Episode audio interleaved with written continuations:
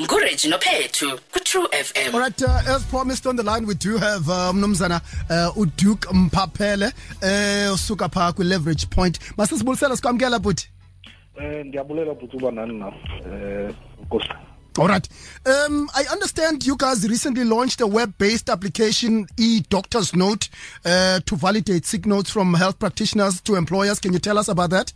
Okay, basically, e-Doctor's Note is an uh, application, it's a web application, first of all, which is available uh, to doctors and available to employers. What happens there, maybe let me put through a scene for you of how it works.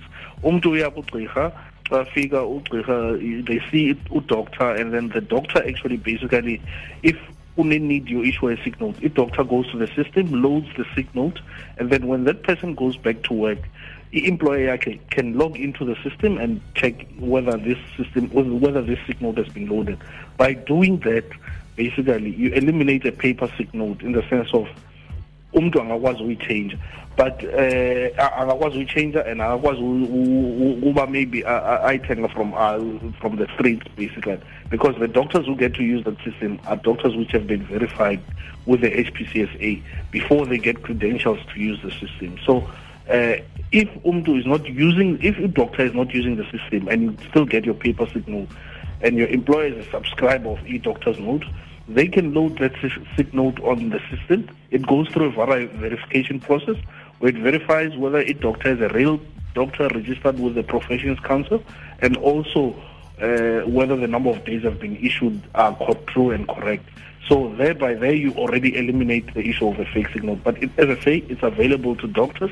It's also available to um, employers at a subscription. So doctors get to use the system at no cost, but employers pay for the system because they basically pay for the verification. The other biggest part of it, which eliminates uh, unnecessary absenteeism, all these sick notes get stored in the format of a bureau, just like your ITC when it comes to credit checks and whatever. So if an employer wants to do a background check, they will ask for a permission from from the individual, and they can use the system to do a background check on sick notes, on sick leave.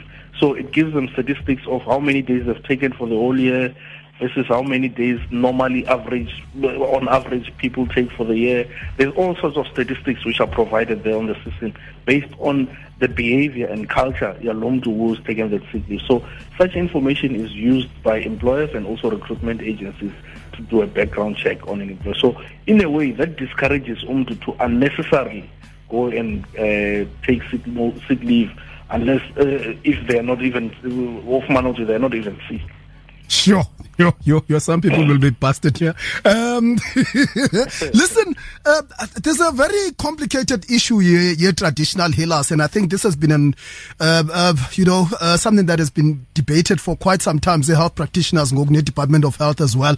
But umkimwe traditional healers uh, uh, is also considered as, you know, bethu. How are you hoping to, because I understand it's also difficult for, in fact, the basic condition of employment act doesn't really cover uh, umcimbi we traditional healers ni ni ni nikhe nayifikelela mhlambi nayijonga nale aspect okay from our side you know uh, maybe just to put it out there clearly Tina, we're not changing the law in any way. We're not changing anything. We're going. Doctors, uh, the sick note still has to to to to to still has to meet the, the, the, the criteria required by the basic conditions of employment because for us client yethu is the employer. So going back to the to, to, to traditional healers, with us, there is no point in us getting traditional healers to use the system at this stage because our employers do not have to, uh, based on the law, I'm sure, you, you, since you, you, with regards to, to, to the basic conditions of employment act, because uh, uh the traditional healers uh, does not have to be accepted by employers. So there's no point in having it on the system. So, but once that is sorted out, that whole debate, because as I say, from our side, we're not involved at that stage. We're not involved in, in, in that field of influencing the decision, Department of Health and all of that. But as I say, from our side, once that is sorted, we are happy to bring in uh, traditional healers into our network because they can be verifiable also with their traditional healers council, etc. Mm. It, will, it will be it will also be it will also be obviously accepted via the Basic Condition of Employment Act.